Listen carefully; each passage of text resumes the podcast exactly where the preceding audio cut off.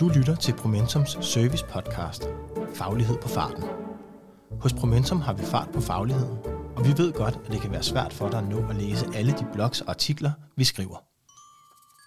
Derfor har vi lavet denne podcast, så du kan blive klogere, mens du er på cyklen, i toget eller på løbeturen, og på den måde er det slut med dårlig samvittighed over al den viden, du plejede at gå glip af. Selv tak. Dagens artikel er indlæst af Sofie Flod Fuglsang Nielsen. Spændende tendenser i virksomhedernes arbejde med bæredygtighed af Mikkel Flod Storgård. Der sker helt vanvittigt meget på bæredygtighedsområdet i disse år, og det er super godt og vigtigt. Men den enorme udvikling kan også give virksomhederne en udfordring i forhold til at arbejde klogt med deres bæredygtige omstilling. Derfor har jeg i denne blog forsøgt at skitsere et par vigtige udviklingstendenser, som jeg mener virksomhederne skal forsøge at indarbejde i deres strategier og bæredygtige omstillingsarbejde. Tendenserne er blot oplistet, ikke udfoldet i denne blog. Danske virksomheder gør det godt på bæredygtighedsområdet. Hvor Danmark som samfund desværre halter gevaldigt efter arbejdet med bæredygtighed og klima, så markerer flere af vores store danske virksomheder så heldigvis som first movers og forgangsvirksomheder inden for den bæredygtige omstilling. Se bare på Vestas, der netop er blevet kåret som verdens mest bæredygtige virksomhed. Virksomheder som både Christian Hansen og Ørsted følger trop, og er kåret til at være blandt verdens 10 mest bæredygtige virksomheder, med placeringer som henholdsvis nummer 2 og nummer 7. Det er mega sejt, og noget vi bør være super stolte af her i lille Danmark. Fremtidens minimumskrav er bæredygtige virksomheder. Udover at det at have en bæredygtig virksomhed er godt for samfundet, så er en førerposition inden for bæredygtighed også en direkte billet til at blive en af fremtidens succesfulde virksomheder. Så det er helt afgørende, at vores virksomheder i den grad er med i bæredygtighedseliten. Både for virksomhederne og for vores lille land. De seneste par år er der sket helt utrolig meget med forbrugernes, samfundets og virksomhedernes tilgang til bæredygtighed. Og der er ingen tvivl om, at bæredygtighed bliver et absolut must for fremtidens virksomheder. Bæredygtighed er allerede og vil forblive et af virksomhedernes allerstørste og vigtigste konkurrenceparametre. Kort og godt kan det sige sådan her. Bliv bæredygtig, ellers er din virksomhed ikke relevant i fremtiden. Bæredygtighed er en flygtig proces og ikke en opnåelig tilstand. De danske virksomheder, der allerede har forstået det, og som stormer frem med den bæredygtige omstilling, imponerer mig. De viser vejen for alle de andre, og signalværdien i deres succes bør ikke være til at tage fejl af. Samtidig har jeg dog en klar opfordring til dem om at fastholde snuden i sporet og ikke hvile på laverbærene. For bæredygtighed er ikke en tilstand, der kan opnås og herefter sættes flueben ved. Bæredygtighed er flygtig og i konstant bevægelse. Det påvirkes af alle andre bevægelser og påvirkninger i det aktuelle økosystem. Bæredygtighed skal ikke ses som en tilstand, men snarere som en konstant proces. Bæredygtige organisationer er lærende organisationer.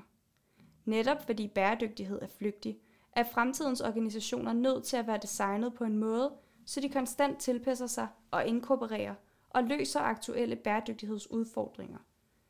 Derfor kan man også argumentere for, at det ikke er de enkelte CO2-forbedringer og genanvendelsesmuligheder, der er det afgørende ved virksomhedernes bæredygtige omstilling, men derimod hele paradigmeskiftet. Et paradigmeskifte, der vil ændre virksomhedens tilgang til alt og skabe en helhedsforståelse af virksomheden som en del af et langt større økosystem. I det paradigmeskifte ligger også etableringen af en lærende organisation, der konstant kan styrke arbejdet med bæredygtige forretningsmodeller og virksomhedens cirkulære økonomi. Virksomhedernes arbejde med bæredygtighed ændrer sig. Frem til nu har arbejdet med bæredygtighed i virksomhederne mere eller mindre udelukkende haft klima som fokus. Det har handlet om klimaaftryk, CO2-reduktion, den eksterne cirkulære økonomi osv. Områder man typisk vil kategorisere som virksomhedens eksterne bæredygtighed. men virksomhedernes arbejde med bæredygtighed vil ændre sig meget snart, for bæredygtighed er et helhedsbegreb. Helt konkret betyder det, at virksomhederne ikke kan påstå, at de har styr på deres bæredygtighed, hvis de kun har styr på den eksterne bæredygtighed. Fremtidens virksomheder skal have styr på den interne bæredygtighed. Den interne bæredygtighed handler om medarbejdernes trivsel, samt fysisk såvel som mentale sundhed. Den handler om diversitet og ligestilling, og om medarbejderne har et bæredygtigt arbejdsliv. I fremtiden er du ikke en bæredygtig virksomhed, blot fordi du har styr på klimaaftrykket, for hvad hjælper det, hvis du samtidig nedslider dine medarbejdere? Den tilgang er alt andet end bæredygtig. Den interne bæredygtighed vil fremover indgå på linje med den eksterne bæredygtighed i den samlede bæredygtighedsvurdering for virksomhederne. At kigge på den interne bæredygtighed er stadig en ret ny tendens, og de danske virksomheder, der som nævnt PT er nogle af verdens mest bæredygtige, skal have udvidet deres bæredygtighedsarbejde til at fokusere på den interne bæredygtighed. Er det overhovedet nok at være bæredygtig i fremtiden? Der er også ved at ske et andet skift inden for bæredygtighedsarbejdet. Hvis du allerede arbejder på at gøre din virksomhed mere bæredygtig, så er du formentlig også stødt på begrebet den regenerative organisation.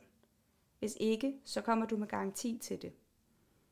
Den regenerative organisation overtager stafetten fra bæredygtigheden, og man kan sige, at bæredygtighed er blevet rejsen hen mod slutmålet, der er den regenerative organisation. Det skal forstås på den måde, at man betragter bæredygtighed som en milepæl på vej mod det regenerative. Bæredygtighed betyder nemlig kun, at man har nået status quo, og at noget kan holde sig selv bærende. Men det er ikke nok, hvis vi vil løse aktuelle udfordringer, såsom klimakrisen, stressrelateret sygdom osv. Her har vi brug for den regenerative tilstand, som er den tilstand, hvor en virksomhed revitaliserer og genopbygger – og dermed bidrager med mere værdi, end den tager, i de livs- og økosystemer, som den er en del af. Det gælder både i den enkelte medarbejders liv, til samfundet, verden og naturen. Det bæredygtige er på vej til at blive til det regenerative. Det regenerative er kommet for at blive, og jeg er 100% overbevist om, at fremtidens virksomheder ikke bare er bæredygtige, men regenerative. De får skabt organisationer, hvis organisering og kultur frisætter medarbejderne, og hvis forretningsmodeller og cirkulære løsninger tager udgangspunkt i livets og naturens logik og bidrager positivt til de ansattes liv, til samfundet og til planeten. Summa summarum. Jeg tror på, at de tendenser samlet vil betyde en grundlæggende ændring i virksomhedernes arbejde med bæredygtighed. Fremtidens verdens mest bæredygtige virksomheder er ikke bæredygtige, men derimod regenerative, og det er de helhedsorienteret, således at de har skabt en regenerativ organisation, der både er regenerativ internt og eksternt. Om man er en regenerativ virksomhed internt, kan man finde ud af, hvis man kan svare bekræftende på spørgsmål som Trives dine medarbejdere ved at gå på arbejde, både mentalt og fysisk? bidrager deres arbejde og jeres arbejdsplads positivt til deres livskvalitet? Oplever dine medarbejdere, at jeres arbejdsplads giver dem mere, end de bidrager med? Virksomheder, der entydigt og uden tøven kan svare ja til de spørgsmål, er godt på vej mod at blive fantastiske og regenerative arbejdspladser.